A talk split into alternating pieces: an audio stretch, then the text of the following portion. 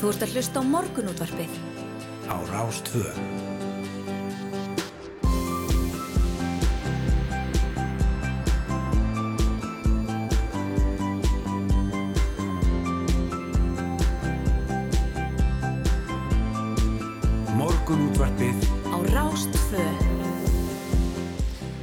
Útvarpið býður góðan dag, þriðdæginn 23. ágúst, klukkan 8 tímindri sjó þar yngvar þóru og Snærós Sindradóttir sem ætla að setja hérna með ykkur til klukkan 9.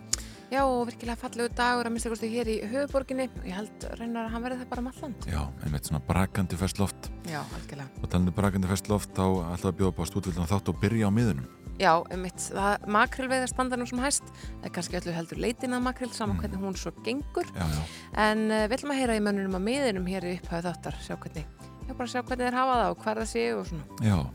En kjarning reyndi frá því í gæra að eh, á þeim rúma mánuði sem liðinni frá því að kæru nefnd útlendingamála feldur gildi niðurstöðu útlendingastofnar í máli einstaklings frá Venezuela hafum hundrað manns frá Venezuela verið veitt viðbútar vernd og rúmlega 300 mál býða enn afgreyslu. Nú það er ekkert láta þeirri neyð sem ríkir e, í Venezuela en við ætlum að ræða stöðuna þar við Valesco Giraldo Þorsteinsson sem er búsett hér á landi tölvunafræðingur og, og þekkir vel til. Einmitt. Í gæri var greint fyrir því að landlækningsembatið hafi kært fyrirtæki Körukonnekt og nokkur önnur fyrirtæki sem bjóða stafrænar lausnir í heilbreyðistjónustu til að fá nægt úrskurði kærunemndar útbæðsmála sem í februar komst að þeirri niðurstöðu að landlækni bara greiða sagt fyrir að kaupa stíka þjónustu dýrum dómum án útbúðs. Þó málið sé ansi tæknilegs eðlis þá getur slík kæra verið erfið fyrir lítil fyrirtæki borðið Körukonnekt en við ætlum einmitt að ræða þess, eh, sko, stöðu þess fyrirtækis í þessu ljósi við Þorbruggu Helgu Vigfúsdóttur framkvæmastjóra fyrirtækisins. Einmitt. En í gerð greindu stjórnendur frönsku vestlunarkeðunar Carrefour frá því að fyrirtæki ætla að frista vöruverð á um 100 vörum til að bregðast við verðbólgu í landinu sem mælist nú 6,8% og hefur sjálf verið herri. Nú ríkistjórn Emmanuels Macrons fraknarsfossita hafði þrýst á frönsk stórfyrirtæki að grípa til slíkra aðgerða og við ætlum að ræða við Breka Karlsson, formann neytenda samtakana um hvort æskilegt sé að íslensk fyrirtæki fylgi fótspor frönsku vestlunarkeðunar og almenntum bara ábyrð stórfyrirtækja í dýrtíð sem þessari. Nákvæmlega. Rúsneska leinithjónustan heldur því fram að Úkrænu hér byrja ábyrð á dauða Darju Dugin, dóttir samverkamanns Vladimir Putin Rúslands fórsetta, Alessandr Dugin. En við ætlum að ræða við Jón Ólafsson, prófessor við Háskóla Ísland sem er hugmyndafræði Dugins, sem hefur haft mikil áhrif á Rúslands fórsetta og stöðu stríðsins í Úkrænu. Hann er auðvitað eh, heimsbyggingur. Já, Það er eiginlega, þetta er svona hugmyndafræðilegur eitthvað svona, já, já. svona spunamestari. Akkurat telur að Rúslandi að leita meira til austurs og í raunin að vera svolítið saman það hvað vesturinu finnst. Já, einmitt. Sko, rússar telja sig vera búin að hérna, telja sig vita hver það er sem að, að já, sprengdi þessu sprengju. Já, já, uh, og segja nú að það sé úkransk kona í, í leinþjónustunni sem að hafi verið á ferð með 12 ára dóttur sinni. Uh, þetta er allt saman, það er búið að svolítið svona blása þessar, þessar sögur samt. Það er hérna, vilja meina að hún hefur kannski ekki skilið persónskilið eftir á vettvangi. Já, einmitt. Já, eins og, eins og margt einhvern veginn þarna. Eh, en það var átanganlegt að horfa þessi myndskeið af springingunni. Já, einmitt. Uh, já, já, En svo kemur Sævar Helgi Bragarsson til ykkur í lokþáttar og það verður nú gaman. já, nákvæmlega. Já, lítið hans að fórsýðu bladana, hvað er fréttablaðið að bjóða upp á þennan morgunin snærós? Jú, þau eru með viðtalið Margreti Valdimarsdóttur sem er dósand í lauruglufræðum uh, þar sem segir að þessi nýr og dimmur veruleiki á Íslandi þar að segja uh, samband mellir skotvapnaleifa og drápa á fólki sér nýtt áhugjöfni hér á landi en uh, eins og allir vita þá varð að þann hræðilegur atbyrður á blöndósi uh, já, fyrir tveimdugum síðan eða svo. Hún segir, þetta er nýr veruleiki á Íslandi og við höfum áhyggjur af byssum og skotvapna leifum vegna þess að það er verið að drepa fólk. Það er nýtt að skotdótt sér rætti þessu samengi. Morðið á Blöndósi er fymta skotárásamálið á landinu þar sem af er árs. Skotfélagið á Blöndósi gerði fyrst aðtáðsamdur í nóvambur síðastlinu við hegðum skotmannsins sem var vistaður og getill fyrir örfáum vikum um skeið en áður hótaði hann manninum sem berst nú fyrir lífi sínu eftir haglabissu árós um helgina. Og þetta eru sko, það var, það var par skoti í breiðholti Já, fyrir árunu, Akkurat. svo var umsátus ástand í, í hérna hafnafyrði með það sem skotið þar var á bíl. skot, skotið var á bíl nákvæmlega, já og bara svona feðgin sem að máttu fóta svona fjóra launa voru leið í leikskólan. Þannig að þetta eru, uh, þetta eru nokkur mál sem að hafa komið upp á mjög skömmum tíma og svo ef við horfum aðeins lengra tilbaka þá voru þetta skotið á bíl borgarstjóra og, Já, já, og hérna, þetta hafi verið svona þetta hafi verið eitt og annað á þessu ári sem að, að hérna, já, vekur upp þessar spurningar sem að margir þeirra að kasta fram já, já, nákvæmlega. Það er e, sömulegis rætt um e, harmleikin þarna á Blöndósi hér á Fossíu Morgublasins, rætt við Katrin Jágstóttur, fórsættisáþuram, sem telur að voðaverkin sem frammi voru þar e, á sunnudaginn kalli já frekari umræðu. Fyrst og fremst séu þau harmleikur sem reistir djúft uh, og en það er, ég kemur hér fram uh, í morgublaðinu að fáir hafi viljað ræða við fjölmila sem lagt hafa leið sína á Blöndós og ljóst að heimamenn vilja með því sína samstöðu með aðstandendum og þeim sem eigum sárt að binda. Það er nú líka hérna aðeins rætt um uh, uh, söðfjórækt á fórsíða morgublaðsins. Einmitt. Viðmældi morgublaðsins telja að ekki verði hrun í söðfjórækt í haust eins og óttast hafði verið vegna fjárhags erfiðleika greinarinnar. Lambakjöt hefur selst vel undarfarna mánuð og byrðir af kjöti ekki verið minni í eh, áratögiða frá árunni 2011 en salana 12 mánuða tímabili frá ágúst til júli hefur ekki verið meiri í langan tíma að undanskildu árunni 2019 þar salan sló öll met. Og Unnstedt Snorri Snorarsson sérfræðingur hjá bændasamtökum Íslands segir eh, já, lítið út fyrir að söðfjö muni áfram fækka og lítar hún þá til þess að bændur hafi panta slátrun fyrir fjölda fullorins fjár. En aftur á móti hversan ekki telja hægt sé að tala um hrun? Mm. eh, já, já, við erum svo sem rætti þessi mál aðeins í þessum þetta Hér á fórsíðu fréttablasins er mynd frá uh, já, nemum sem er að koma út úr fyrsta skóldeinum í MR já, Sjá, sjást hér yfirgefa mennskólinn Reykjavík með bros á vör. Þetta þýr auðvitað að það er kannski svona tvær vikur eða mestalega þrjá ári að við fáum mynda tólringu á fórsíðu já, fréttablasins nákvæmlega. En ég vek hérna, ég fyrir þau sem hafa áhuga tísku og ströym, tísku ströymum Já. ykkur, þá get ég sagt þér það að uh, unglingarnir eru, já, öll í gráu joggingefni. það er mjög áhugavert, ég var einmitt að opna þetta hérna eh, bara á vefsíðu fréttablasins Já, eh, það er og það er misgrátt. hettupeysan Hettupeysan er, er bara greinilega Já. málmálana núna, grátt joggingefni, misgrátt, það er hérna einn uh, strákur í forgrunni sem að svona starir bynd í myndalina, hann er dökkgráum buksum já, en að öðru leiti þá er fólk í ljósgráu og ekki bara hér fremst heldur líka þarna í bakgrunni sko. Einmitt þetta er mjög forðanlegt þetta þetta þetta er einslitt, það er alveg óhætt að segja það. það er eru allir, þetta eru 1, 2, 3, 4, 5, 6, 7, 8 nýju krakkar, já, öll í einhverju afbreyði á gráu hjókningamni einmitt, einmitt. Svo ég segi nú um minn eh, gamla mentaskóla þá kannski seint að tala um það að, að emmeringar séu leiðandi í tískurindar Nei, það á þess að þetta verður með neina stæla þá er það alveg ágætspunktur. Já, uh, þegar ég var, ég var ekki MR en þegar ég var í mennskóla þá voru emmeringar alltaf í lópapeysu já, það var eiginlega hægt að ég byrjaði. Já, það, Já, það var svona hérna uh, það, það var eiginlega, sko, mér fannst einhvern veginn engin sérstök stefn að vera í, í fattaklæðina emmeringa á þeim tíma. Nei, en, uh, en svona hérna jú, jú, lópa peysan rifin upp við tækifæri þú hefur verið svona mikill brautriðandi Já, sjálfsög. Herðu, eh, það er með týr mynd á, eh, já, já, á annari síða morgunblasins. Það eru grunnskólanemyndunir. Þeir eru náttúrulega líka að, að hefja nám núna, fjöldinir að nemynda hefur nú hafið grunnskólagöngu sína. Grunnskóla Reykjavíkaborgar voru settir í gær yfir þúsund nýjir nemyndur sem byrja í fyrsta bekk í borginni og þeir, eh, já, þau fylgja sinna spennt með einhvers konar setningaræðu skólastjóra síns mm -hmm. hér eh, þetta er alltaf, alltaf mikil tímamót og, og, og haustið er komið þegar, þegar við fyrir að mæta í skólan Algjörlega og hér inn í fréttablaðinu næst tala um þessi tímamót líka og það segir að uh, árgangurinn í Langholtskóla sé lang, sá langstæsti, það eru, það eru 93 börn en fjölmunustu skólar borgarnar eru Langholtskóli og Árbæjarskóli með um 700 nefndur hvor.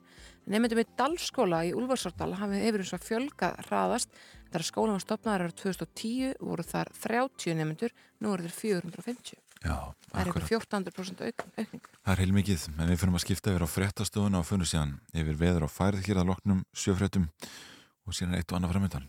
Algjörlega. Uh, heyrum hvað frettstofan hefur að segja og uh, komum svo að vera um spori. Um, ringjum með þess að miðin. Já, heyrum í mönnunum á, á miðunum. Heyrum í mönnunum og miðunum. Algjörlega. Þú ert að hlusta á morgunútvarpið. Á Rástvö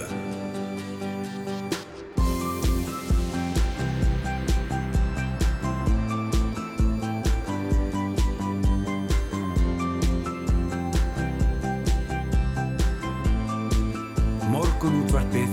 Á Rástvö Jú, við bjóðum enn og nýja góðan dag hér í morgunúttorpun á Rás 2.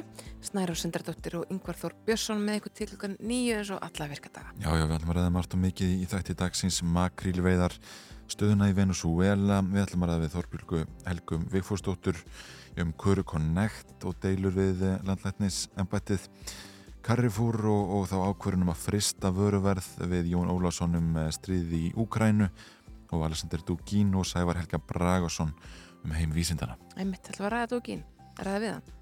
Nei, Nei. það er kannski ekki komið að því strax. Það er ekki alveg komað því, Nei. nei, það kemur að því. Uh, það var ofsalega bjartur og fallegur morgun hérna í höfuborginni þegar að ég fór út í morgun og það spáir bara dásanlega veðri í dag hér á suðvesturhóttninu að minnstakosti það verður hægu vindur líka um allt land en við skulum sjá hvað veðurfræðingarnir segja. Á landinu eru hægir vindar skíða mestu og yfirleitt þurrt en langt suður af Ingólfshöfða er allmikið lagð sem mjakast vestur. Úrkomusvæði lagðarinnar fer inn á suðausturland upp úr hádegi og fer þá að regna þar. Jafnframt hversir nokkuð af norðaustri í dag og getur orðið all kvast eða kvast í örafum og aukumenn sem hyggjast fara þarum eru hvað til að aga varlega, einhver með aukutæki tekur á sem mikinn vind. En ef við skoðum hérna korti í hádeginu þá er heil sól í Reykjavík, í Borgaferðinum, uh, Árnesinu og á Stórhöfða. Og svona léttskíjað uh, sko alla leið á kirkjubæklustri. 14 stíði hérna í borginni og, og heitast þar bara 3 metrar á sekundu þetta er, þetta er alveg dásand við til að setjast út á eitthvað kaffihús eitthvað svoleiðis uh, og svo tegir sólinn sig hérna og upp á snæfellnesi eftir því sem að líður á daginn og lætum við að sjá sér Húsavík veit ekki hvað og hvað, þetta lítur bara vel út. Út. það verður heil, heil sól þar setni partin, já, rétt fyrir kvöldmatt já, já. En taldum að, að akka varlega þá eh, er, eru, já, svona nokkra tilkynningar hér á, á vegagerðarinnar. Um, í dag voru malbyggaður 575 metra langur kapli á vinstri akrein Reykjanesbrautar í Garðabæ í átta hafnafyrði og kapli nær frá Nóðraholti að brú við Vívilstaði og það er áallega að framkvæmdi standi frá klukkan 11 á eftir til hálf fjögur og, og alveg einhverja líkur að því að þetta hafi áhrif á, á umferðar hraðan nú um, það sem leist tala hérna um bústæðavegin það verður lokað frá nýja hringdorkinu og að Reykjanesbraut til og með 28. ágúst eins og við erum rætt áður. Mm þar sem aðstæða fyrir hjáleðar eru ekki hagstæðar eru vegfærandum bent á að kynna sér leiðarval áður en lagt er af stað nú það er reyðhjólakeppni á Krísuvíkurvegi e, í dag e, frá viktunarplani að malarnámi við Vaskarð í dag þriðu daginn 23. ágúst á milli klukkan 7 í kvöld til 8 og þar maður búast við umferðartöfum vegfærandu kvatti til að aga með gát nú og á helliseginu verið fræst akrein til austurs e, frá já, slaufu við þrengslaveg í átta skíðaskálunum í hveradölum og heiðin lokuð til austurs og hjáleið um þrengsli og áallega er að framkvæmdina standi alveg frá klukkan nýju núna í morgunsárið til klukkan fjögur síðdeis. Emitt, bara, við bara hvernig fólk til að aga varlega Já, eins og alltaf, eins og alltaf. En við ætlum eh, ekki bara að tala um áhugaverða og skemmtilega hluti hérna dag, við ætlum líka að spila smá músík. Þetta er glæði nýtt með honum eh, Birgi Hansen, það er Póki.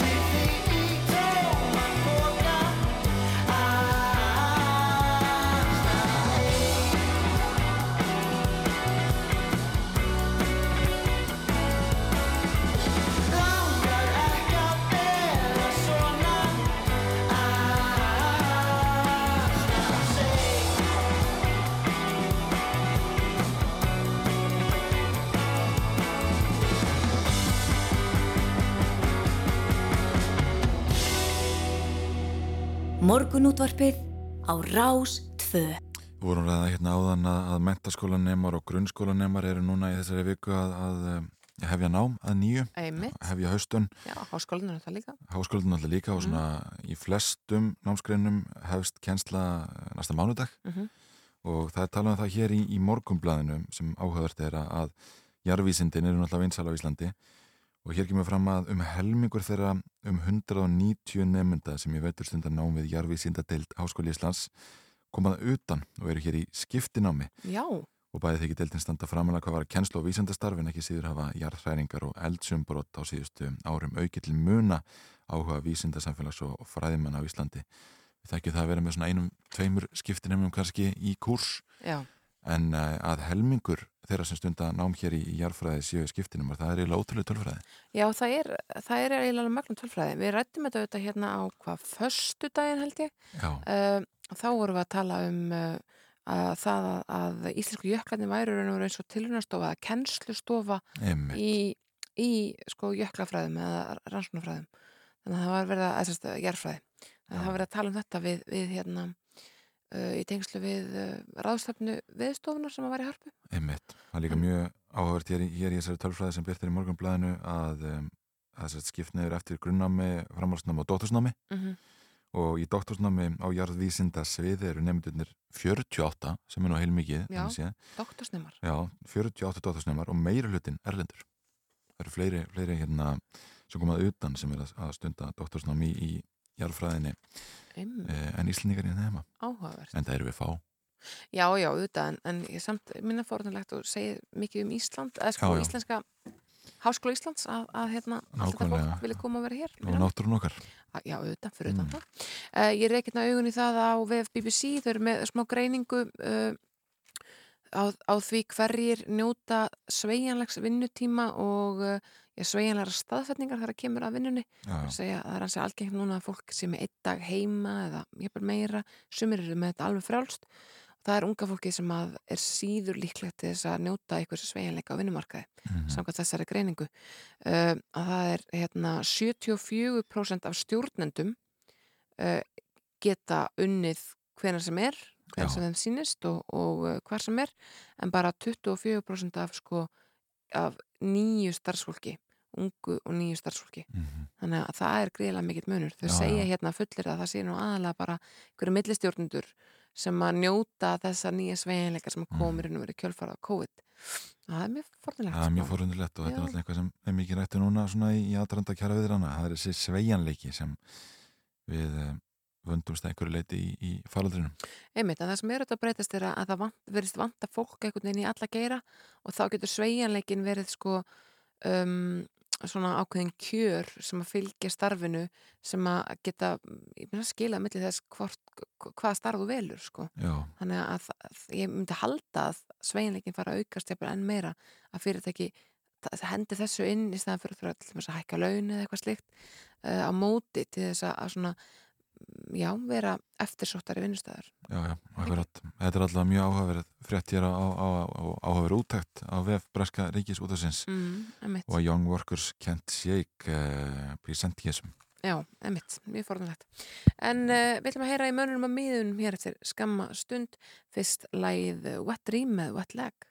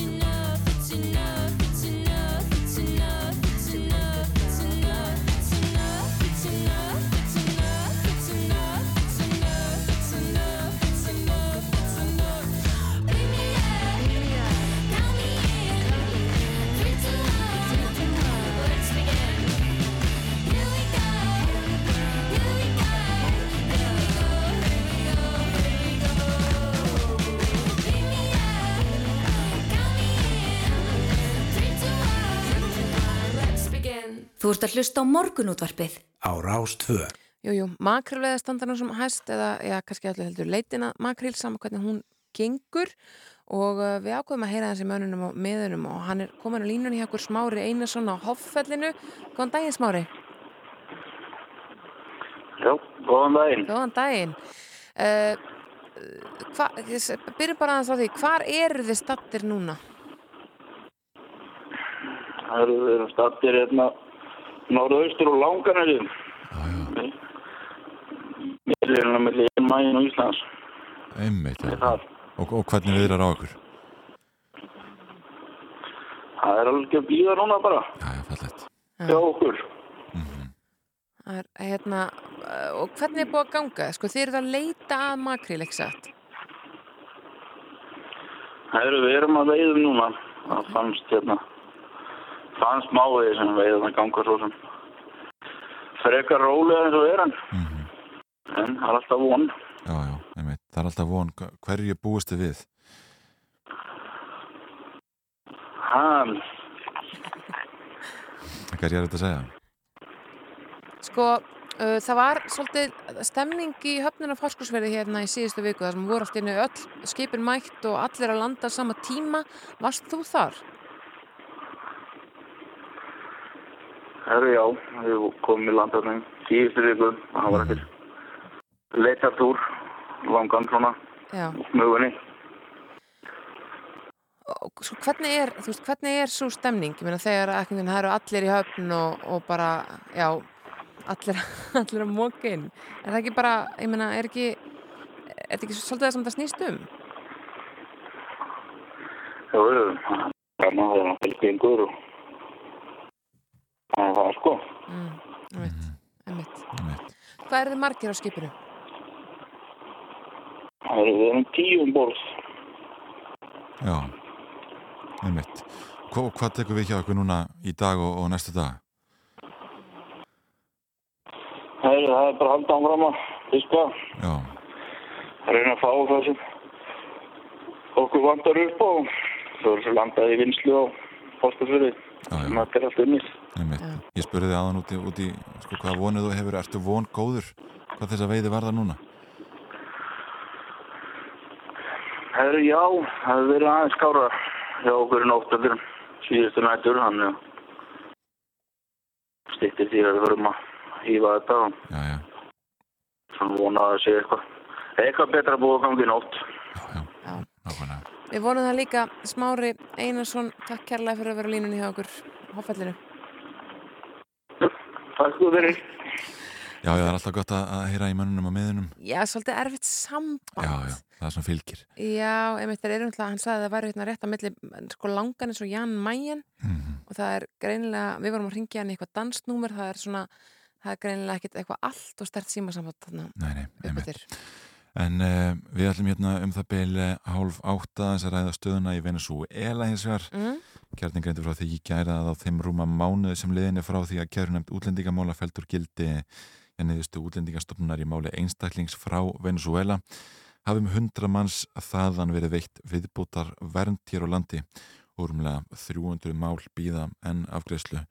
Morgunblæði byrti svona samatækt fyrir einhverju síðan um stöðuna hvað flótafólk varðar Mm náttúrulega langt flest sem komið hafa frá Úkrænu en mikil fjöldi lík frá Venezuela Já, svo er eitthvað ótrúlega tölur varandi sko þau sem hafa komið frá Úkrænu og hafa fengið atvinnu Já, sem byrðist um daginn. Það síndi bara mikill meirluti uh, þeirra sem að, að já, geta unnið að þau voru komið með vinnu og, og bara svona svolítið á siglingum sem eru er bara, já það er mjög góð fréttir. Mm. Við ætlum líka að fá til eitthvað Þorbruggu Helgu Vigfúsdóttur framkvæmtastjóra Körukonekt en landlækningsempatið kærði fyrirtækið í gær til þess að nekja úrskurði útbóðs, eh, kærunund útbóðsmála nekja úrskurði kærunundar útbóðsmála um, í, sem, sem að komst þeirra niðurstu í februar að landlæknir ætti að, greiða sekt fyrir að kaupa svona dýra stafræna þjónustu án útbóðs mhm, það var sérst Kara sem að og ásönd öðrum fyrirtækjum sem að kerði landlækningssambatið og núna er, veist, já, það þarf að kæra þetta baka til þess að fá þessum úrskurinn nekt. Já. Þetta er allt saman í flokknasta mál og svo er þetta bara ræðið við Brega Karlsson. Já, já, akkurat. Ekki aðgrendu stjórnendur fransku verslunarkæðunar Karrifúr frá því að fyrirtæki alltaf frista vöruverð á um hundrað vörum til að bregðast við verðbólgu í landinu og við ætlum að spyrja Brega já, hvort það sé þá ekki aðskilja þetta íslensk fyrirtæki fylgi í fótspór fransku verslunarkæðunar og eh, aðeins að, að svona fá hans skoðana ábyrð fyrirtækja í dýrtíð sem þessari. Jú, emitt, og það hefur svo sem verið aðeins að rætti tengslu við laun eh, stjórnunda þessara fyrirtækja sem að komi núna þegar tekjublaði eh, kom út eða já, svona, já, já þeirra álækingaskísluna voru opnaður þannig að þetta er svona mjög aktúalt mál. Já, en við skiptum yfir frettstóð og heyrum frett að yfirleitt og fyrst smá músík.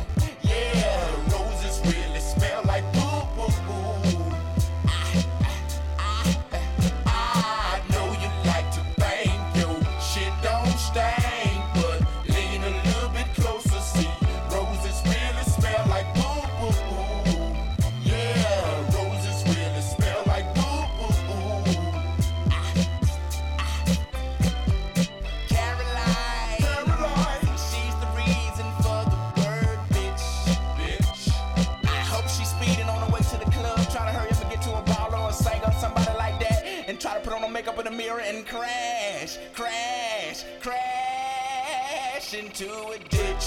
Just play.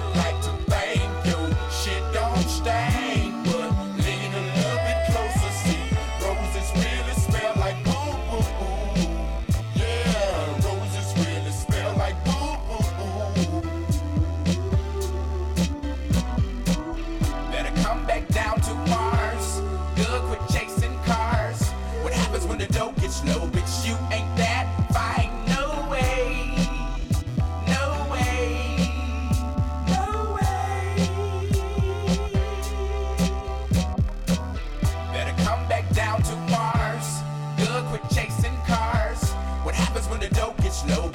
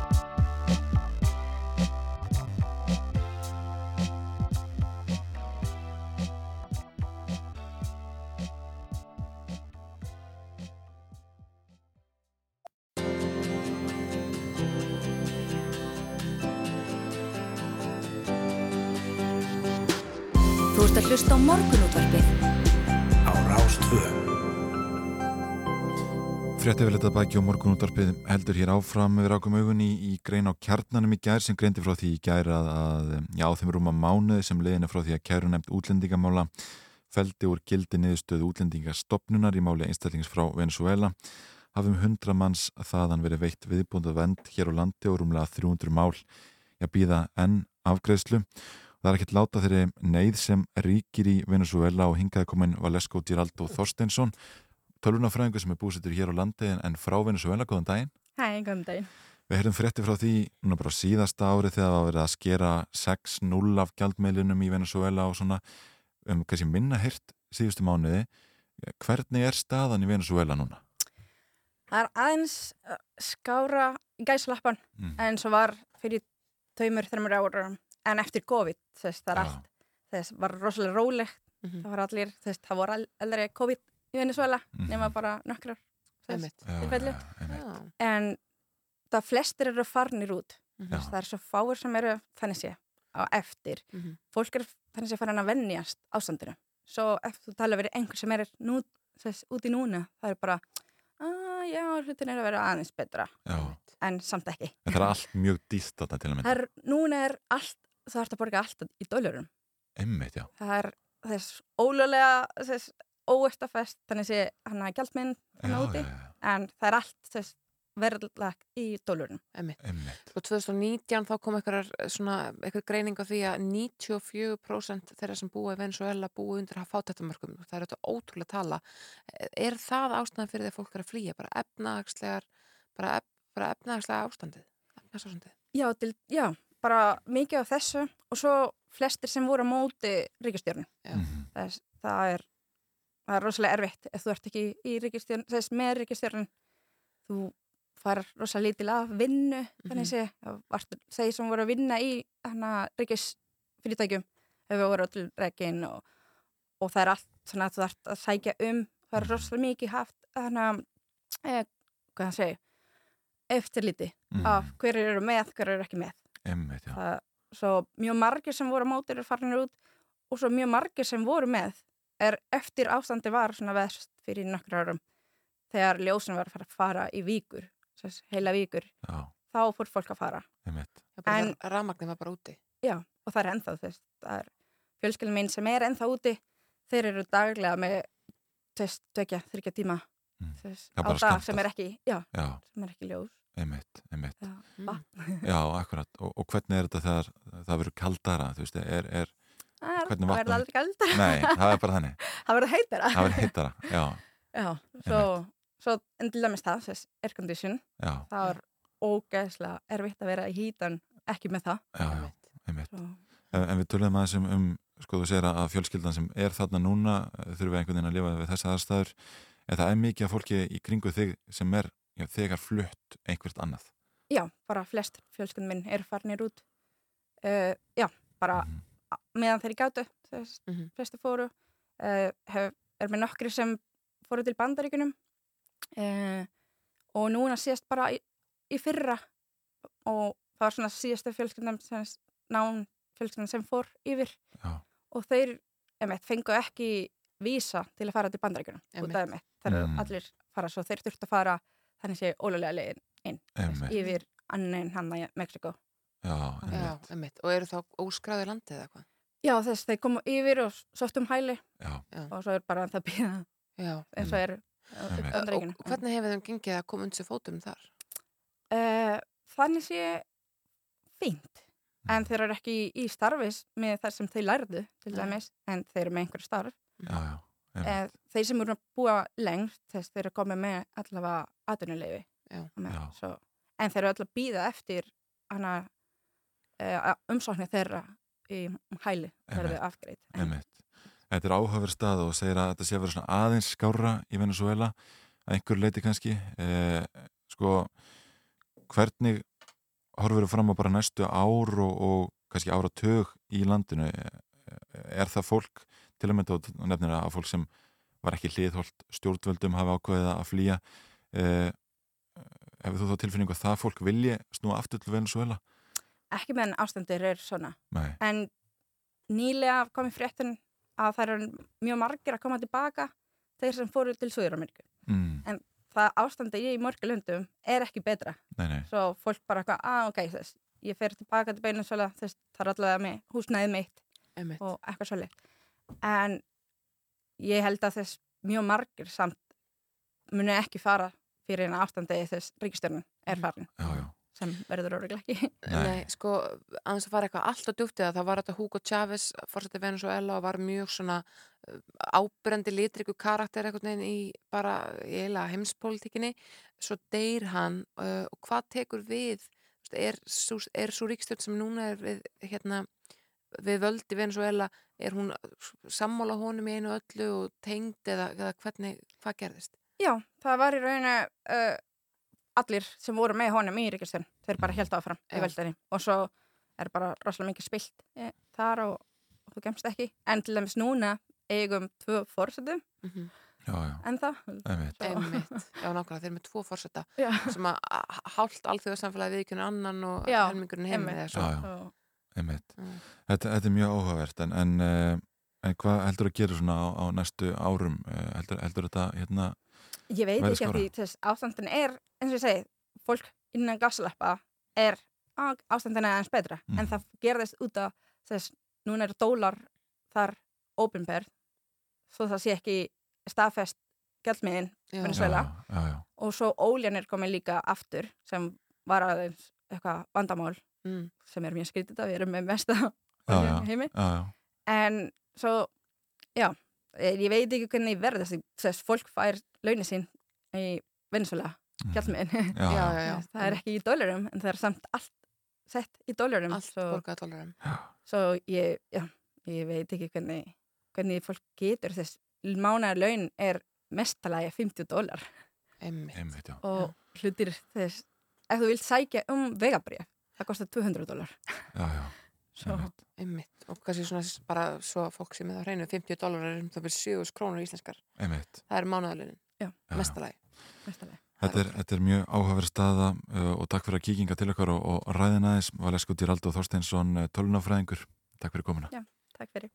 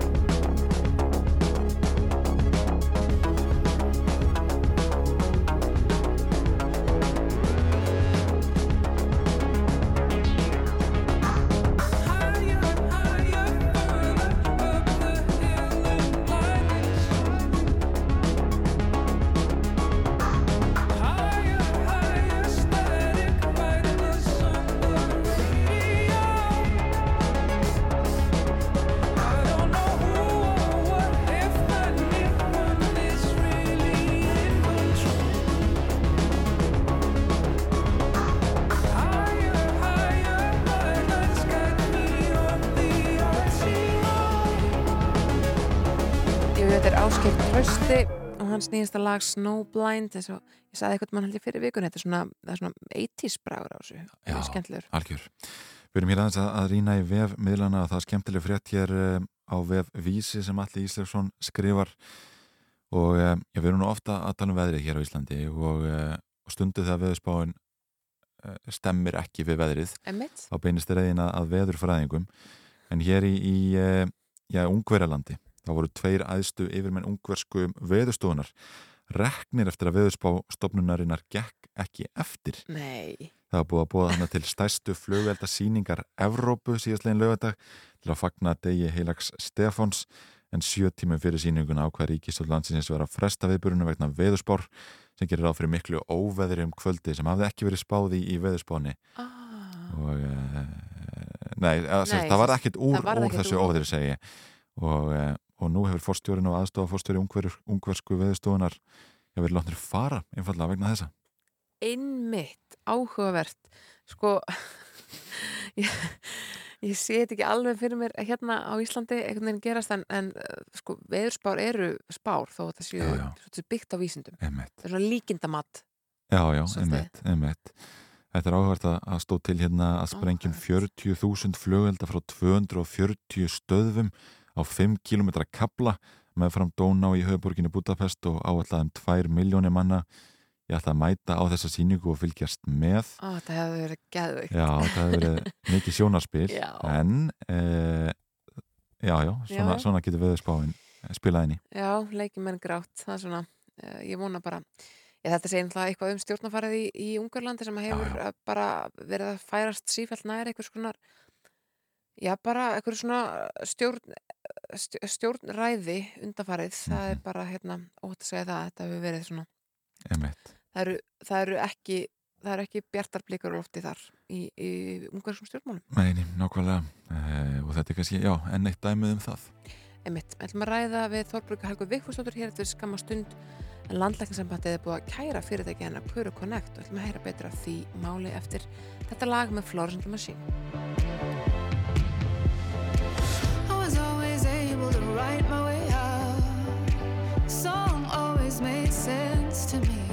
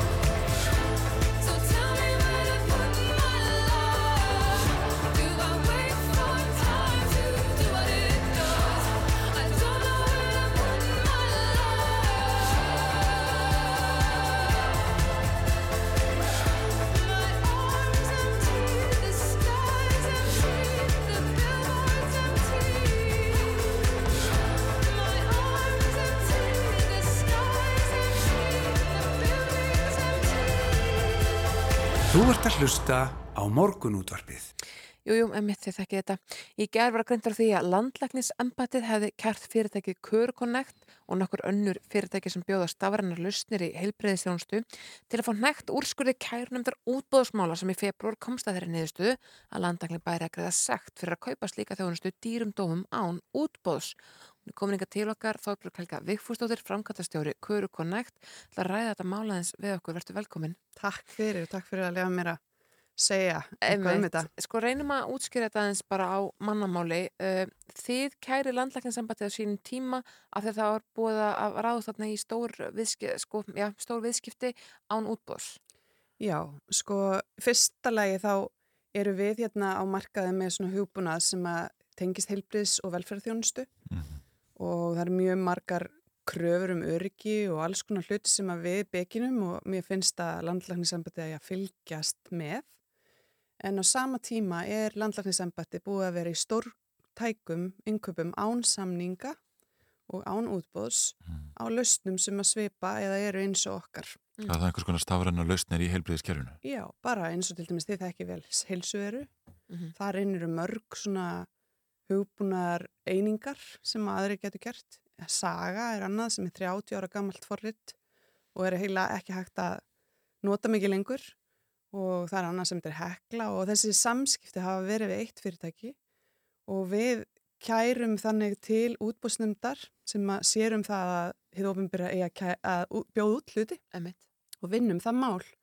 Og undir er heilsugæslan í Reykjavík og he- heilsugæsla höfbruksvæðinsins, Origo og hérna Sensa, þessi fyrirtæki öll sem hafa verið í viðskiptu við landlækni án útbúðs og, og þess vegna er, er hérna er þetta mjög mikilvægt skref að fá frá útbúðsnefndinu vegna þess að það eru mjög margir orðinir mjög þreyttir á að þið ofinbera vinni ekki með frumkvælega fyrirtækjum með nýri þróun á markaði. Mhm. Þannig að þetta er í rauninni forsagan að við erum bara hérna ósk eftir því mjög skýrt að þið ofinbera hlíti lögum um, um hérna útbóð bæði á Íslandi og Evrópu og, og þetta hérna hugnast landlæknisembætinu ekki. Þeim var gert að greiða sekt í februar til ykkar uh, og en hvað gerir svo?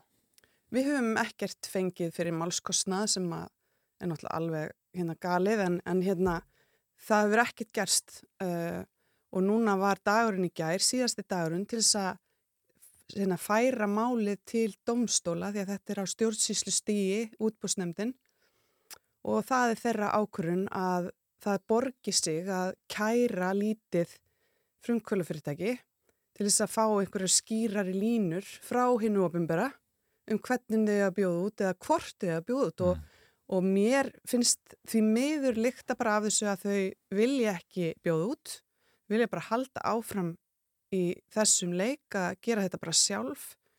Og ég hérna hafna því bara algjörlega að þetta hafi ekki verið hérna hægt að sleppa þessu. Mhm. Þau hefðu alveg bara getað fara að taka til í sínum ranni og fengi leiðbynningar frá hinnu ofinbera almennt, ríkiskaupum, uh, lögmönnum til þess að reynsa upp og fara að bjóða út eins og lögir ráð fyrir. Já. Í staðin fyrir að hamast svona á litlu fyrirtæki og senda út skilaboð til samfélagsins að það eigi nú ekkert að vera appast upp á þau með hinnan eitt. En hve- hvernig slóða þið þegar, þegar þú frétti það og heyrið það að það var kæri ykkur?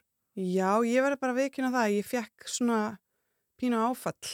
Ég hérna skil vel borgara sem að hafa lent í svona að, að, að hérna hefur ofinbera fyrir í það og gerir ráð fyrir að, að það sé ekkert mál. Og þau fara bara heim fyrir ekki í sinni fjöra daga vinnuviku og við erum hérna sittum eftir og þurfum að fara að verja okkur.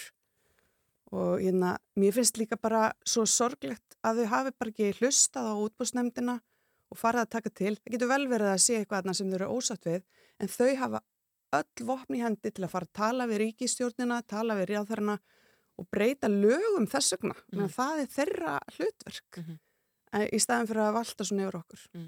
Svo hérna, skrifræðið einhvern veginn gerir svolítið ráð fyrir að þau kæri ykkur til þess að fá þessum úrskurðu útbóðsnefndarna nekt sem píldi flókið, þetta er kannski ekki beinleins persónlegt gegn Körukonnekt fyrirtækinu en það hlýtur að vera bæði tímafrætt og dýrt ferli fyrir ykkur.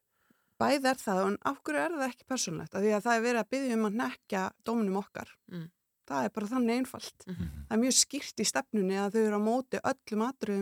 er Þannig að þau eru að byrja um að fá allt fælt niður sem því þá að ef að það gerist að þá þurfum við ekki að bjóða út. Þannig að fyrir mér er þetta mjög einfalt að við reyna að tefja eða stöðva kröfu um að þurfa að bjóða út. Einmitt. Og hvað tekur þá við hjá ykkur núna? Ég, sko, ég meina, ég, ég er sko eiginlega nokkuð vissum að þetta vinnist ekki hjá þeim. Af því að þetta eru bara rosa skýr lög um útbóð og hefur ofinbara að fylgja því. Það er ekkert sem segir að hugbúnaður sem þau eru að búa til með ekki vera búin út. Það er ekkert þarna sem að kveður á um það. Og, og ég er fyrst manna til að segja að hefur ofinbara þurfi að ramma betur inn hvað á að vista hjá sér og hvernig grunnar er að vera og ég hef talað mjög skýrt í mörg árum að þetta skorti. en, en það að, að setja þetta upp þannig að við sem eitthvað fyrir þeim en alltaf bara eins og eitthvað brandari. En fyrir ykkur fyrirtæki sem býður stafrannar lausnir í, í helbriðis og velferðarþjónustu, sko ef að dómurinn fellir ykkur ekki vil og, og það kemur í ljós eins og þú segir að landlækarsambandið þurfur en verið ekki að út, bjóða út þessa Mhm. þjónustu, hvað þýðir það fyrir ykkur og önnur sambarleg fyrirtæki bara upp á rekstra grundvöllin og svo framvegis? Ég, ég hugsa að það bara stöðvi þróun og nýsköpun í helbriðsumkurinu.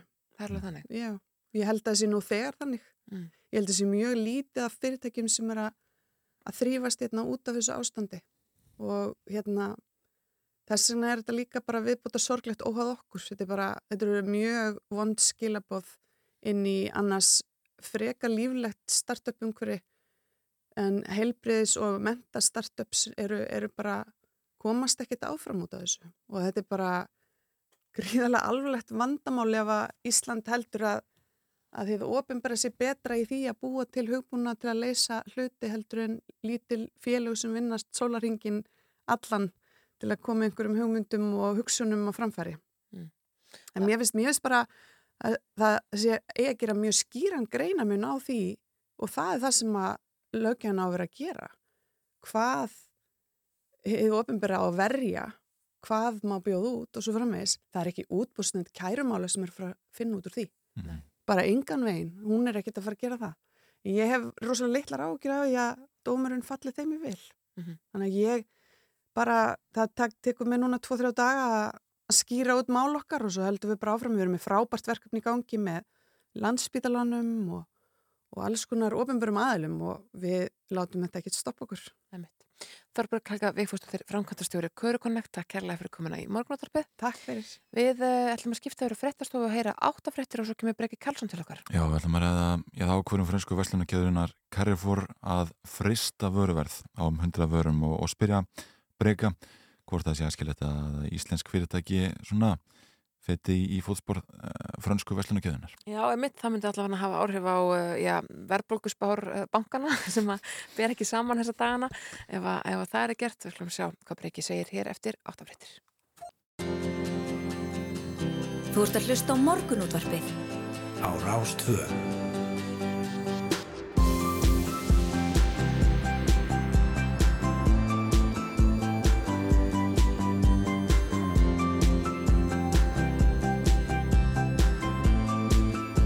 Rástvö. Morgunútvarpið Á Rástvö. Áttafréttir að baki og morgunúttarpið heldur hér áfram og eins og við rettum hér stöðlega áðan þá greindu stjórnendur fransku vestlunarkeðunar Carrefour frá því í gær að fyrirtæki ætla að freysta vöruverð á um 100 vörum til að bregðast við verðbólgu í landinu sem mælist nú 6,8% og hefur sjaldan verið herri. Ríkistjórn Emmanuels Macrons fraklandsfósita hafði þrýst á fransk stórfyrirtæki að grípa til slíkra aðgerða og hingað komin Breki Karlsson formaða neytendasamtakana. Góðan daginn. Góðan dag. Blasir við að íslensk fyrirtæki ætti að gera slítið sama? Uh, já, stuttasverðið er bara já og þessu viðtalið er lokið. Nei, hérna, já, þetta, þetta, er sko, þetta er kannski ekki nýtt að, að hérna, þó að Carrefour hafi gert þetta í gær, þá hérna, uh, voru breskar keðjur sem byrjuðu á þessu í, í bara mæ, hérna, fyrir árinu og hérna, Asta og Sainsbury's riðu á vaðið og, og fristu vörur ef, ef, ef, hérna, vöruverð á, á 200 helstu vörutegundum Mhm. uh, danskar vöður gerðu, gerðu þetta í, í hérna í júni líka Já. þannig að, þannig að hérna, þetta er alveg þekkt, þetta er ekkit bara einstæmi og, og hérna IKA hefur náttúrulega verið þekkt fyrir þetta í, í hérna gengu tíðina að gefa út vörulista með verði og sem heldur svo út árið Já, já. Hérna, ég veit nú ekki alveg hvort við gera það ennþá en, en, en hérna, við gera þetta allavega til langs tíma og, og, og þetta er alveg hérna, bara kjörið finnst mér í, í uh, ástandinu eins og við erum með þetta við erum með nánast 10% af verðbólgu við erum með hérna, heiminn háa stýrivexti 5-6 sinnum herri stýrivexti heldur en gengur að gerist í Európu og, og hérna, þetta, þetta býtur svakalega á, á, á almenna neytendur og, og ég vil bara hérna, skora á stjórnir þessara fyrirtækja sem eh, eru á maturumarkaði á, á Íslandi í dag að, að skoða það gömgæfilega hvernig við getum komist saman í gegnum þetta og, og hvort að, að, að þessar verslanir get ekki staðið með okkur neytendum og, og frist verðum um einhver tíma. Mm. Við hefum svolítið talað um þessum þættir svona samfélagslega, samfélagslega ábyrð þessara fyrirtækja þegar, þau eru að skila kannski einhverju miljardar hagnaði. Uh, í síðustu viku þá komið fréttir af launum stjórnanda þessara fyrirtækja og svo framvegis og allt einhvern veginn. Uh, ég er svona gaf þetta vísmyndinga til þess að það væri jafnvel sveigrum til þess að gera þetta en hvað þýðir það samt að, að frista verði? Þýðir það ekki minni hagnað og, og minni gróða til þessara fyrirtækja og þau takja sér skellin sem að annars er neyðindur var að gera? Já, það hefur verið að velta skellinum hérna, yfir á herðar neytendum eins og staðan er núna. Við bara köllum eftir því að, að, að við förum saman í gegnum þetta að, að hérna, sameiginlega uh, hérna, tökum á þessari, þessari vá sem, sem mm -hmm. hérna, verðbólgan er og, og reynum að, að komast í gegnum þetta um, Já, atvinnureikundur höfða gætna til ábyrðar stjættafélaga þegar að eru verið að semja um laun uh, starfs, almennra starfsmanna ég vil höfða til ábyrðar stjórna þessara fyrirtækja sem, sem ákvarða laun fórstjórana mm -hmm. sem, sem ákvarða stefnuvarðandi hagnað fyrirtækjana að, að skoða það gömgefilega að hvort að allavega að færa rauk fyrir því að, að, ef, ef ekki á að fara þessa leið mm. Einmitt. Það er náttúrulega Fraklandsfósiti sem var að, að þrýsta á þessi fransku stórfyrirtæki að grípa til einhverju svona aðgerða í þínum sko, samtölum við íslenska raðamenn eh, hefur þið fundið fyrir því að þessar hugmyndir sé einhvað uppi eða, eða að, að þeim hugnist að að svona einhvern veginn að ráðast í svona aðgerður?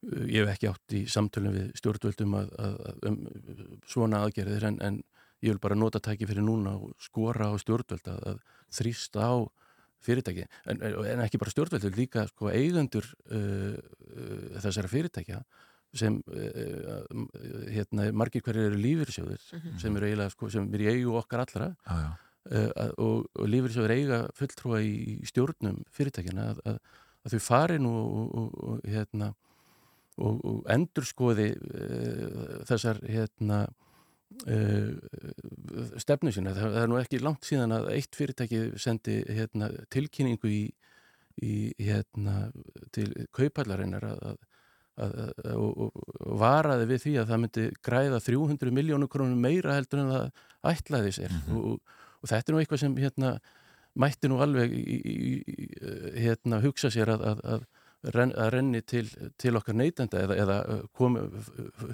komi í, í stað þessara hækana því að við hefum líka séð í gegnum hérna núna undanfæri nára að, að velta fyrirtækina hefur uh, stóraukist og stórjókst í COVID mm -hmm. og, og hérna og ef þú ert með sömu álagningu í, í gegnum hérna með meiri veldu þá er það hérna, meiri hagnaður í, í krónum mm -hmm. og, og þetta er eitthvað sem hérna, þarf bara að, að taka á og ég bara skora á stjórnir fyrirtækina enn og eftir að þau takit þetta til alvarlegar skoðanar. Mm. Það sem er svolítið forðunlegt þegar maður skoðar hvernig matakrann hefur verið að hækka hér á landi að þá hefur verið að hækka já, sko, meira hér heldur en annar staðar í Evropu og hún hefur verið að hækka svolítið á innlendum vörum. Mjölkurvörur, kjötvörur, ungnútahatt, kjúklingur, allt þetta hérna, sent í júli þá uh, tilkynir stjörnugrís um 8,5% hækkun á öllum kjötaförðum fyrirtækisins. Uh, mjölkur samsælan hækkaði verðlistana sína og maður skilur ekki alveg ef að, að verðbólgan er innflutt og þetta, sé, þetta er allt saman út af einhverjum hveiti ástandi í Úkrænu og svo framvegis þá skilum ekki alveg okkur að það eru þákulega þessar vörur íslensku landbúnaðar sem er að hækka svona mikið Hluta til er þetta akkurat vörur sem þú taldir upp sem eru innan tollverndar að, að við getum ekki flutt inn ódýrari vörur og, og það er engin samkeppni á þeim markaði. Og eð, eðlilegast væri að, að, hérna, að og við höfum margsinnis hjá neitinsamtökum bent á það að, að þessi tollvernd sem, sem na- landbúnaður nýtur hann, hann býtur í, í skottið á sjálfum sér og mun á endanum býta uh, bændur best, eh, mest og, og hérna og við munum uh, og við höfum í, í, í, barist gegn þessu og bar, barist fyrir því að, að það verður nú tekið upp annars konar kerfi í, í, í landbúnaði heldur en einhverjir tollmúrar og, og, verndar verndarmúrar Mm. Hversin heldur að það hafi ekki verið gert?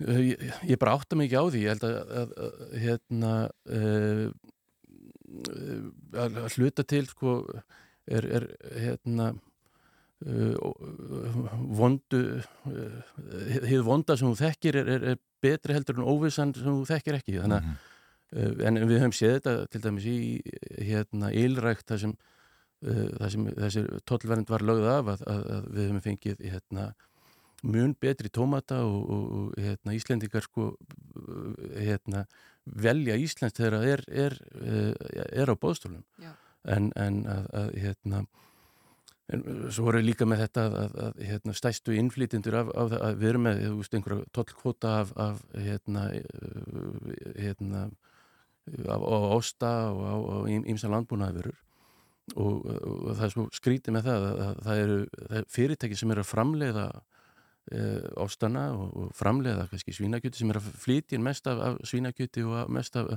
þannig að það, það meikar ekki alveg sens að, að, að þau vilja banna almennu neytenda að, að flytja þetta inn eða, eða njóta þess en, en, en, en flytja þetta inn svo sjálf Einmitt. Já, þetta er, þetta er ansi forrátunlegt. Sko, í þessari dýrtíð sem hefur ríkt, Breki, er fólk mikið að leita til netnisamtakana og bendi kannski á þar sem að vörur hafa hækkað umfram verðbólgu og svo framvegis? Já, já, við erum, fáum bara reglulega uh, ábendingar frá okkar félagsmönnum og öðrum um, að, að, um dýrtíð og, um, um hérna af, af hverju uh, ábendingar um, um, um hérna hi- hinn og þessi vöru og þjónustu sem er verið að hækka og, og sumt umfram verðbólgu. Já, já, Það er um sjokkarandi dæm þar. Ekkert svona sem ég man ákværat núna sko. En, en það er eitt sem við erum svona að, að, að, að hérna, beina sjónum okkar að ákværat núna það eru tryggingarnar Mhm. sem eru margfald dýrar hér á Íslandi heldur en annars staðar að því við virðist og við erum að, að, einmitt að ætlum að útbúa skýslu og, og greina það af hverju, af hverju það er Einmitt. Þetta er áhört Breki Karlsson, um, formað neytindasamtakana, takk fyrir að koma til okkar í morgun útarpið. Bestu þakkir.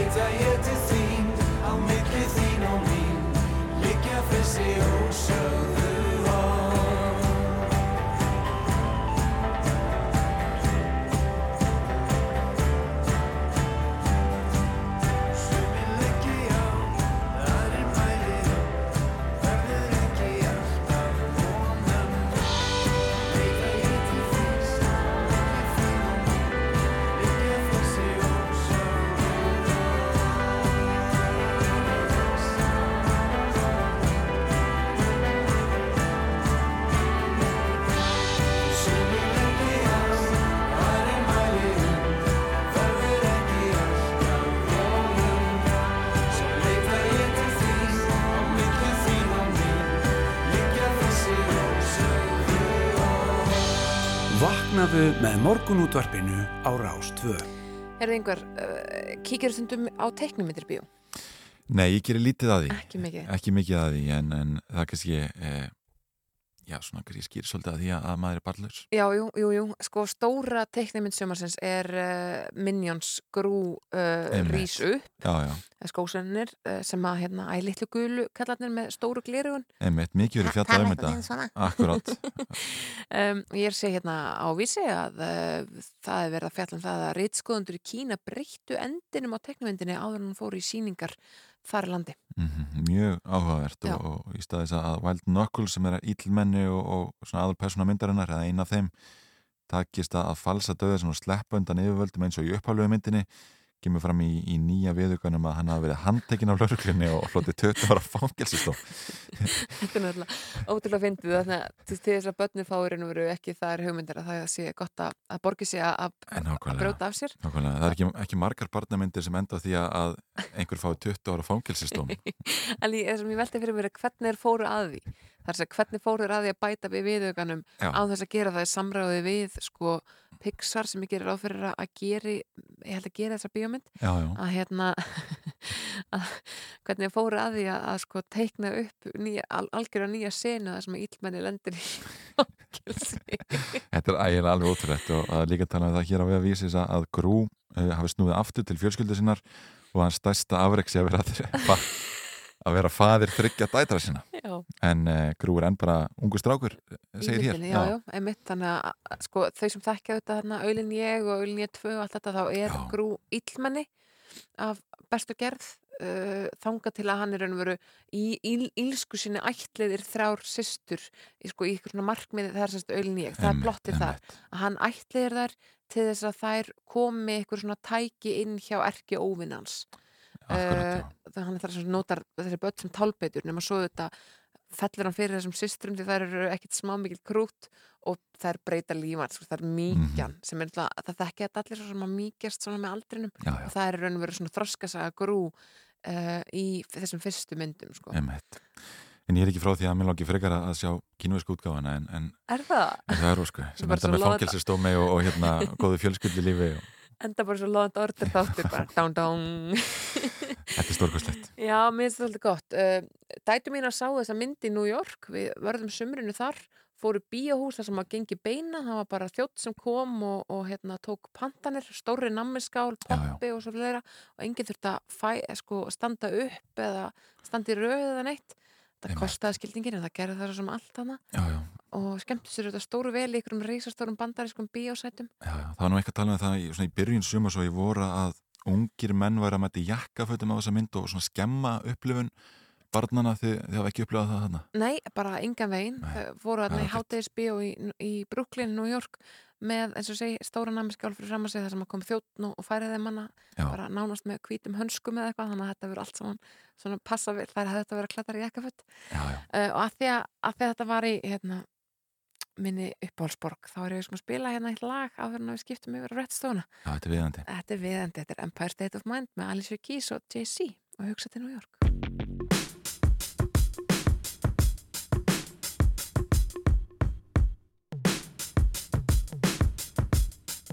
Yeah, I'm out at Brooklyn. Now I'm down in Tribeca, right next to the Narrow. But I'll be hood forever. I'm the new Sinatra. And since I made it here, I can make it anywhere. Yeah, they love me everywhere. I used to cop in Harlem. All of my Dominicanos right there up on Broadway. Pulled me back to that McDonald's. Took it to my stash spot, 560 State Street. Catch me in the kitchen like a Simmons whipping pastry. Cruising down A Street, off-white Lexus. Driving so slow, but BK is from Texas. Me, I'm out that Bed-Stuy, home of that boy Biggie. Now I live on Billboard, and I brought my boys with me. Say what up to Tata, still sipping my top. Sitting courtside, Knicks and Nets give me high five. Nigga, I be spiked out, I could trip a referee. Tell by my attitude that I most definitely from.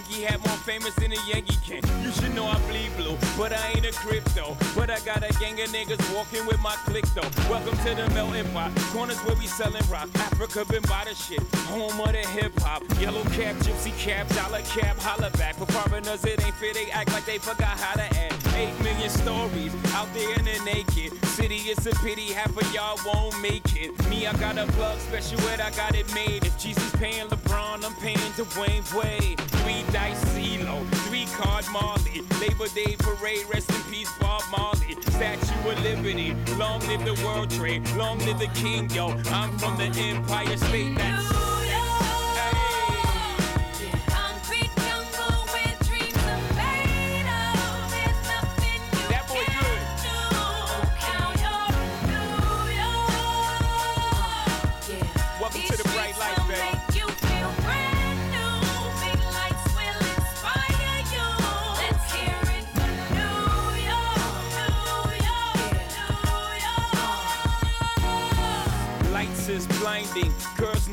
blinders so they could step out of bounds quick. The sidelines is lined with casualties who sip the life casually, then gradually become worse. Don't bite the apple eve. Caught up in the in crowd. Now you're in style. And in the winter gets cold. In vogue with your skin out. City of sin. It's a pity on a whim. Good girls going bad. The city's filled with them. Mommy took a bus trip. Now she got a bust out. Everybody ride her just like a bus route. Hail Mary to the city. You're a virgin. And Jesus can't save you. Life starts when the church in. Came here for school. Graduated to the highlight. Ball players, rap stars addicted to the limelight. Empty in May. Got you feeling like a champion. The city never sleeps. Better slip you an ambient.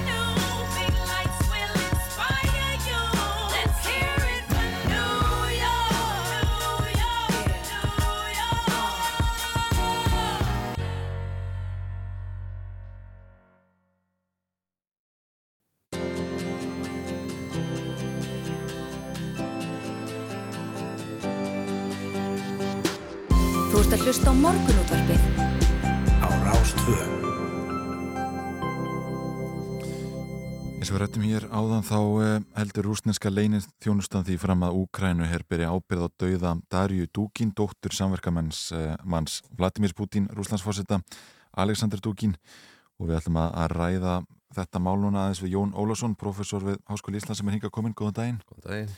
Við byrjum að, að tala um hugmyndafræði Dúkins. Eh, hver er þessi maður og, og hvað stendur hann fyrir?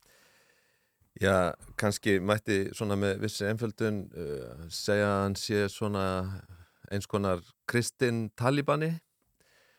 Uh, hann er, hann er uh, ákveðin, hann, hann aðhyllist uh, ákveðinar svona jaðar eða aukakenningar í sambandi við uh, pólitíska framtíð heimsins og, og svona heims, heimskipanina skulum við segja.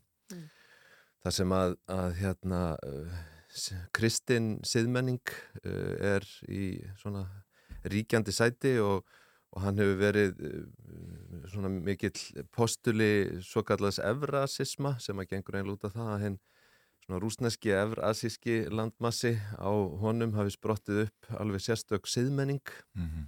það sem rúsar eru auðvitað fremstir í flokki og þetta eru svona, hvað maður segja, þetta eru svona blendi kenningar, týndar saman úr alls konar heimsbyggi, þar á meðal bara svona þessari venlulegu vestrana heimsbyggi, en síðan farið aftur á miðaldir og það er hafnar upp og, og ákveðin lífsmáti og, og sérstaklega kannski þetta siðmenningar hugtak og það er einmitt það sem að Pútín hefur, hann hefur tekið upp eftir honum, svona daldið af þessum orðaforða sem að síðan hefur verið notaður núna á þessu ári til þess að að búa til þetta þennan svona sögulega og menningarlega og trúarlega vef sem að notaður til að réttlæta aðgerðirnar í Úkrænu Mhm. innrásina þar Já, já.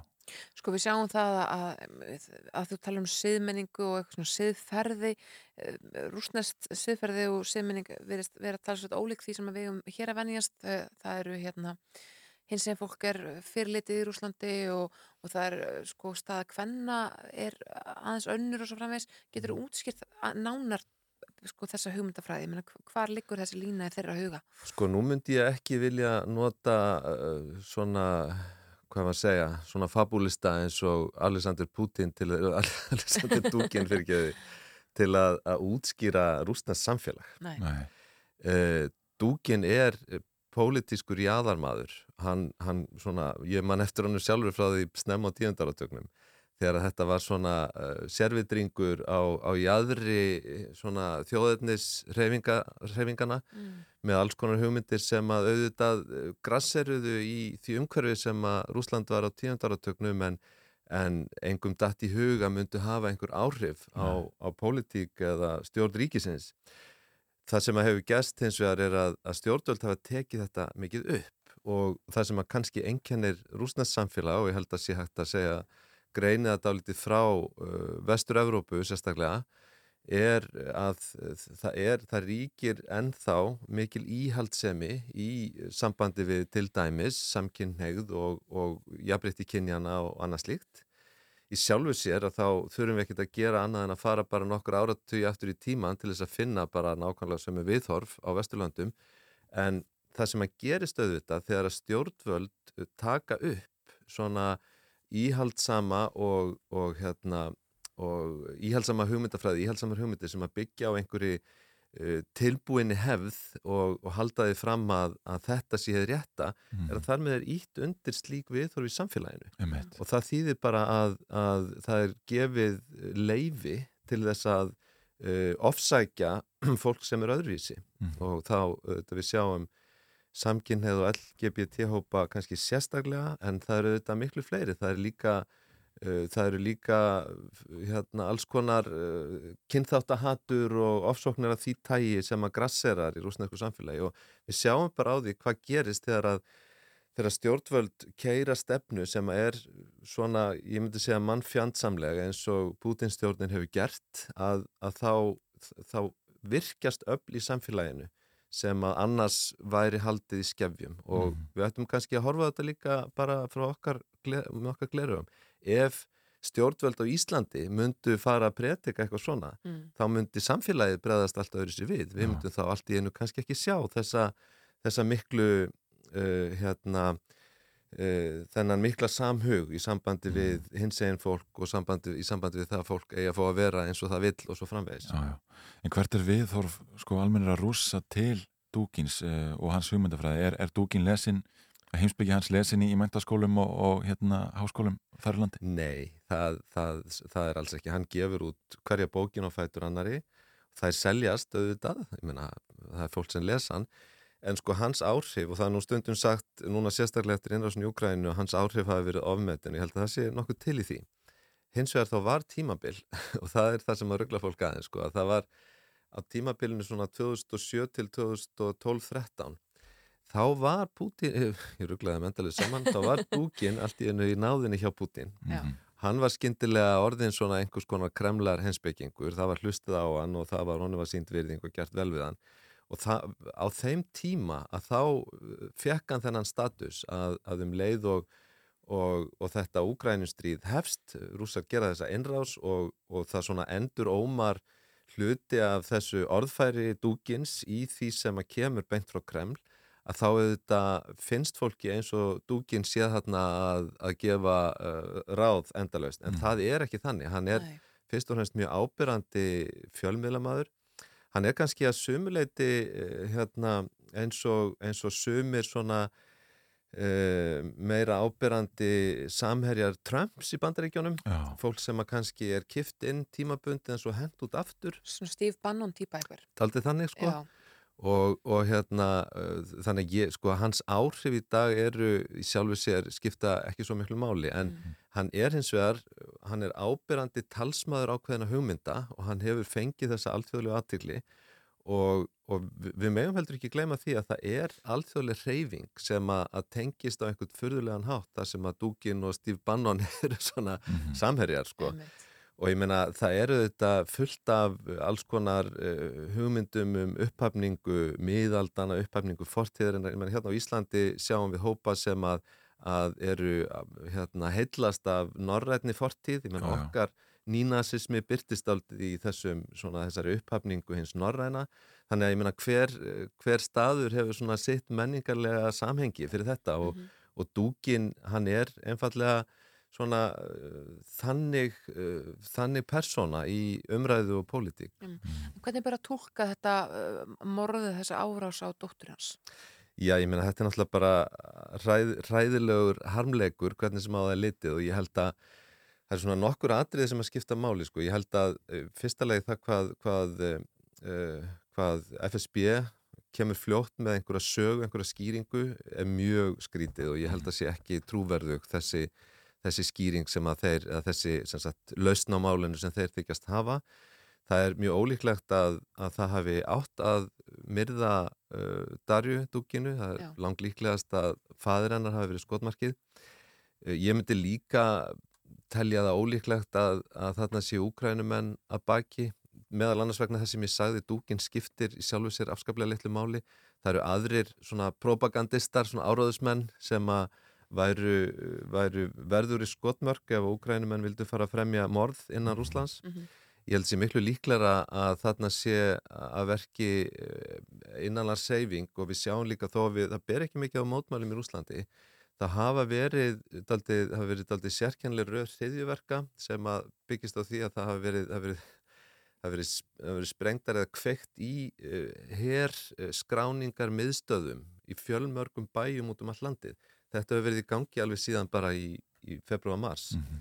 Alltaf einn og einn eldsvoði af þessu tægi og, og við, maður sér alveg að, að, að sko, hvað sem líður uh, mótmælum að eru slíku að þá eru eiga stjórnvöld við að etja jafnvel vaksandi hóp uh, sem að uh, hugsanlega hefur stuðning og, og allavega virðist hafa uh, einhvers konar aðstæður til þess að, að gera svona hluti. Þannig að ég myndi halda að, að þarna sé fyrsta lagi, það var dúkinni skotmarkið og það er ekki, ekki úkrænumenn sem er að senda einhverja agenda inn í Rúsland til þess að drepa hann. Það er mjög ólíklegt. Einmitt.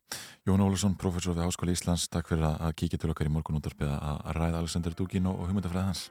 Yes.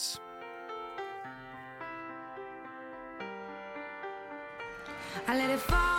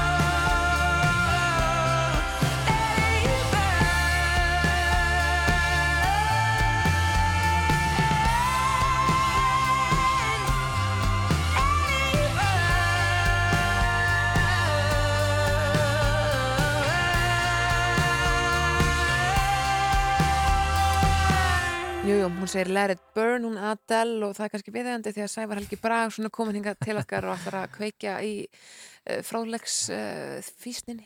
og skóum bara Já, já, já, ok, Já. þú þarf að byrja það bara. Ég ætla kannski ekki að kveikja þeim sjálfur en ég ætla að fjalla um það hvernig menn eru að brenna uh, skóa kannski ekki menn alltaf en hérna, skóareldar Já. hafa verið tíðir í fréttum Einmitt. en ekki bara í fréttum, heldur líka bara út um allan heim Mhm. og það er til dæmis frétt bara inn á rúf.is núna sem fjallar um skóarelda í e, Sýberíu og, og Evropa líka en líffræðingar voru sem sagt að taka saman hversu mikið hefur brunnið af skóareldum undarfarna áratíi og þá sést hversu mikil aukning hefur orðið þá hef, á síðustu 20 árum hefur e, skóareldum eða svæði sem brennur tvöfaldast Vá. og í fyrra var dálítið stórt ár þar sem að svæði á starfi Portugal brann, mest af því í Rúslandi og það kemur ekkert óvart að norðurhjarin í heiminum skuli vera að brenna svona mikið núna vegna þess að þar eru lofslagsbreytingarnar hraðari heldur en mjög mörgum örum stöðum í heiminum.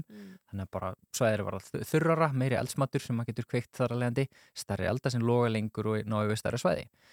En uh, þetta er, eh, svo þú tekur saman svæðið og setur í kannski eitthvað skiljanlegra samingi þá þýðir þetta hverja einustu mínúti er að brenna sem jafngildir 16 fótboltavöllum af skóum í heiminum hverja einustu Vá. mínúti, 16 fótboltavellir Já.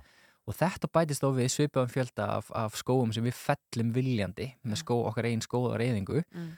og þegar við gerum það þá erum við náttúrulega að losa út í andrupslofti kólöfni sem tré, trén binda og Mhm. magna þar, þar með upp þau áhrif sem við erum að, halda með, að hafa með bruna jarðumnelsindis Mhm.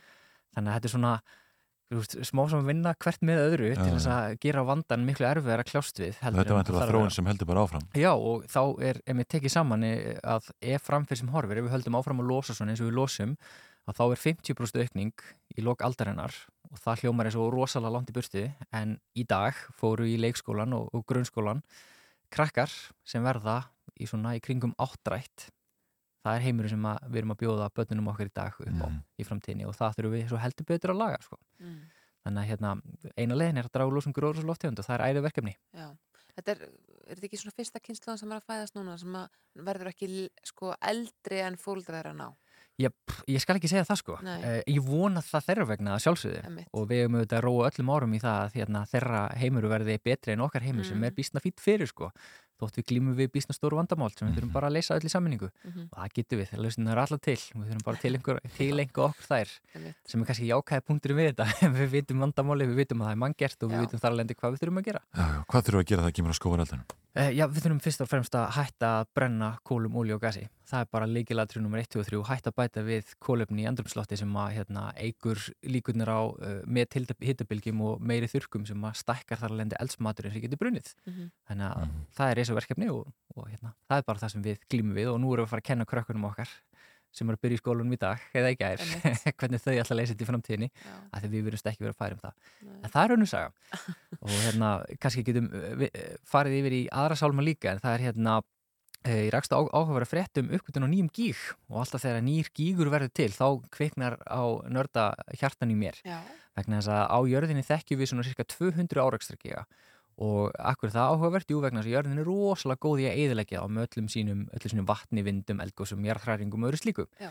og það sem er áhugavert er þennan tiltekna gíg sem fannst undan ströndum Gíneu sem er við þarna við Afriku eh, er að tímasetning hans, hvernig hann var til er svona svipaleit og risaðarinn fórust allar á jörðinni, eða flest allar. Og þannig að hann er sér svona cirka 65-66 miljón ára gammal og þetta tengist þess svolítið þessari mynd sem við erum að reyna að draga upp að því þessum hræðilega degi sem skalla á fyrir 66 miljónum ára Mhm. eitt góðan haustviður dag þegar þessi steinn rakst á okkur þá hafa menn svona getið sér til um að mögulega hafi verið fleiri en eitt steinn að verki og við vitum það að stundum koma svona hreinur af árugstrum Mhm. geti til dæmis verið einhver stór steinn út í, í hérna geiminu hafi splundrast eitthvað þess að og við fengi marga litla eða smæri steina sem rákust á okkur með þessum afleggingum og 75% af lífið og út. Mhm. en þegar þessi tiltekni steinn skalla á jörðina þá hefur hann verið svona cirka á starfi keili. Þannig að ímyndið ykkur keili skella á jörðina á kannski 20-30 km hraða á sekundi Mm. þannig að það gerist svona. Og gígur verið til sem er 8 km þörmál flóðbylgja sem að æðir á stað í allar átti sem er á hæð og skjálti sem er svona 6,5 til 7 á, á hérna, að stærð þannig að þetta veldur hins vegar fyrst og fremst bara staðbundum áhrifum en gæti hafa magna upp þau áhrif sem að hinsteinin uh, gerir. Við vitum ekki hvort það gerist sama dag eða hvort það gerist miljónurum setna Mhm. og þá eftir að koma sem sagt í Mhm. ljós en svona við erum að læra meir og meir um það Já. hvernig, hversu umurlugu dagur þessi greiði Já, risaður já, einmitt. Við vorum einmitt með hérna bara í gær, þá vorum við að ræða við Þorvald Þórðarsson, professor í eldfjallafræði sem var að ræða nýja grein í Nature Já. Það sem kom fram að að stjórnvöld var illa undirbúin fyrir hamfaragós en betur undirbúin þegar einhver stór lofstinn nálgast jörðina Já. er það svo? Erum við tilbúin Já, að við- bregðast við öðrum svona? Við erum ekki alveg tilbúin með tæknina ennþá en ég er nokkuð vissum að við myndum bregðast frekar hrætt við ef við fyndum stein sem er með í jörðinni skollínunni Einmitt. þá bara er alltaf sameileg hagsmunir allra jarðabúa að bæja hættin frá þannig að við gætum á mjög skömmum tíma uh, smíðað eldflög og uh, einhvers konar Það tæki er að ræða þetta fyrst og stofna nefnd og svo þarf að Svo það er rífast kannski- um hver er í nefndinni og- Akkurat sko, Já, og já. svo hvað ættum við að gera? Þá er eiginlega besta leiðin er ekki að sprengja steinin af því þá heldur hann bara áfram sumu leið og þá farið bara marga smarri áraugstra sem valda jafnvel meiri skada heldur neitt stór áraugstur gerir Mhm. þannig að það verður best að senda bara yðnaða menn út í geiminn og láta hann mála steinin hvítan og fá svo sólljósi til honum burt. Nákvæmlega. en þú veist, svo er aldrei hægt að fá yðnaða menn þannig að við þurfum að leta eitthvað annað Já, sko. nákvæmlega. Þeir koma. Að maður sem það er. Að skoða komið viku 46 Já, akkurat, akkurat, akkurat. Svo, svo kannski svona lokum mátti ég uh, benda fólki að það fyrst að nú er farið að dimma hjá okkur. Og sólin er yfirlt frekar stutt komin undir sjóndlarhingin á þessum árstíma þannig að eh, þetta er rétti ástímin til þess að koma auga á gerfutungl og ég hef fengið all nokkrar sendingar frá flugmönnum og fólki sem hefur verið að glápa upp í heiminn núna á nætunar og tekið eftir furðulegum uh, gerfutunglum eða einhver svona furðu sínum sem kann ekki útskýra. Og um daginn sem sagt sást í fyrsta skipti svona þráður af gerfunöttum sem eru Starlink gerfunöttinni sem SpaceX er að skjóta loft. Og þetta er bara fyrsti af, af mörg hundruð sem komið til með að príða innan gesalapa heiminn okkar á næstu árum og áratugum. Já.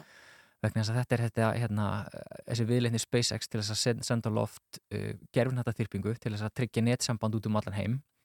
Og þetta kemur til að breyta ásinn tíminsins þau eru sínlegust fyrst eftir gameskot Mhm. þannig að ef fólk fylgist með gameskotum hjá SpaceX að þá getur oft vonið því að sjá kannski tveimur, þreimur dögum síðar mjög ábyrjandi þræði af gerfurnöttum svífandi yfir okkur. Mm. í kringum sem sólsetur Hvað er þráðurinn? Sko, eru þau öll tengd að milli? Já, þú veist, þau eru svona inn í svona skél í eldflöginni, svo opnar skélinn sér sig og svo bara losnaði hvert af, á fætur öðru Já. þannig að það myndast svona, svona þráður í raun og Lest. veru, lest, já, kannski betra orð til þess að lýsa því og svo dreifaðu sér hans meira og hækka spórbreytina þannig að þau dopna þá með tímanum Mhm. en þau eru ennþá, þóttu séu komin á sína lokabraut, nógubjörn til þess að koma til dæmis fram á ljósmyndum og við erum að selja fólki í heiminin á uh, haustin og veituna þannig að þetta kemur til með að príða aftur myndir ferðalanga sem hinga að koma til þess að berja norðulegs augum og þar alveg myndi ég segja skemma myndirnar þeirra Já.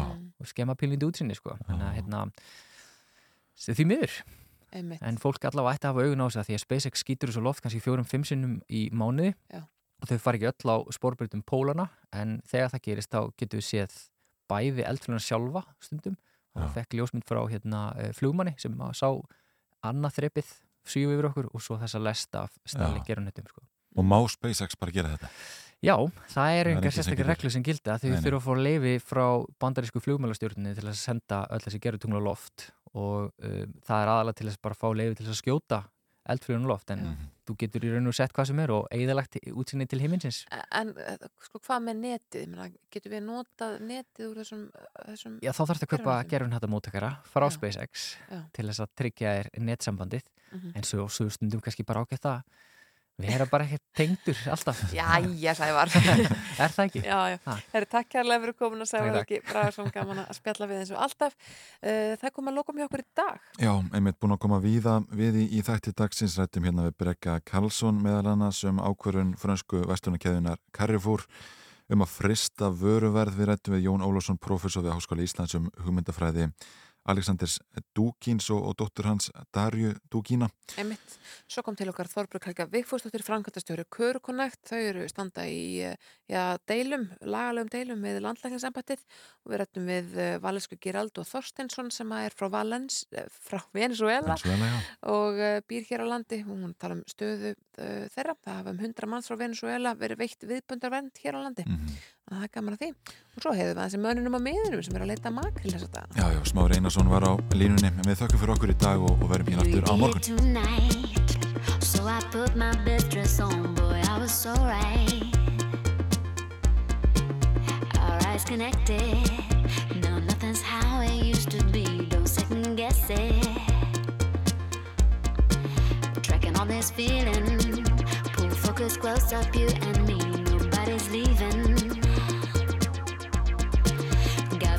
Me. Spun me 180 degrees. It's so electric. Slow down and dance with me. Yeah. Slow. Skip a beat and move in my body. Yeah. Slow.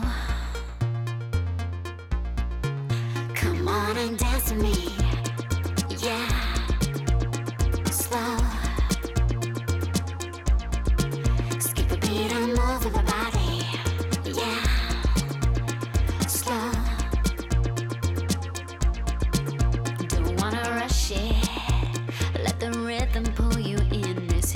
This is so. Oh, you know what I'm saying? And I haven't said a thing. Keep the record playing. Slow down and dance with me. Yeah.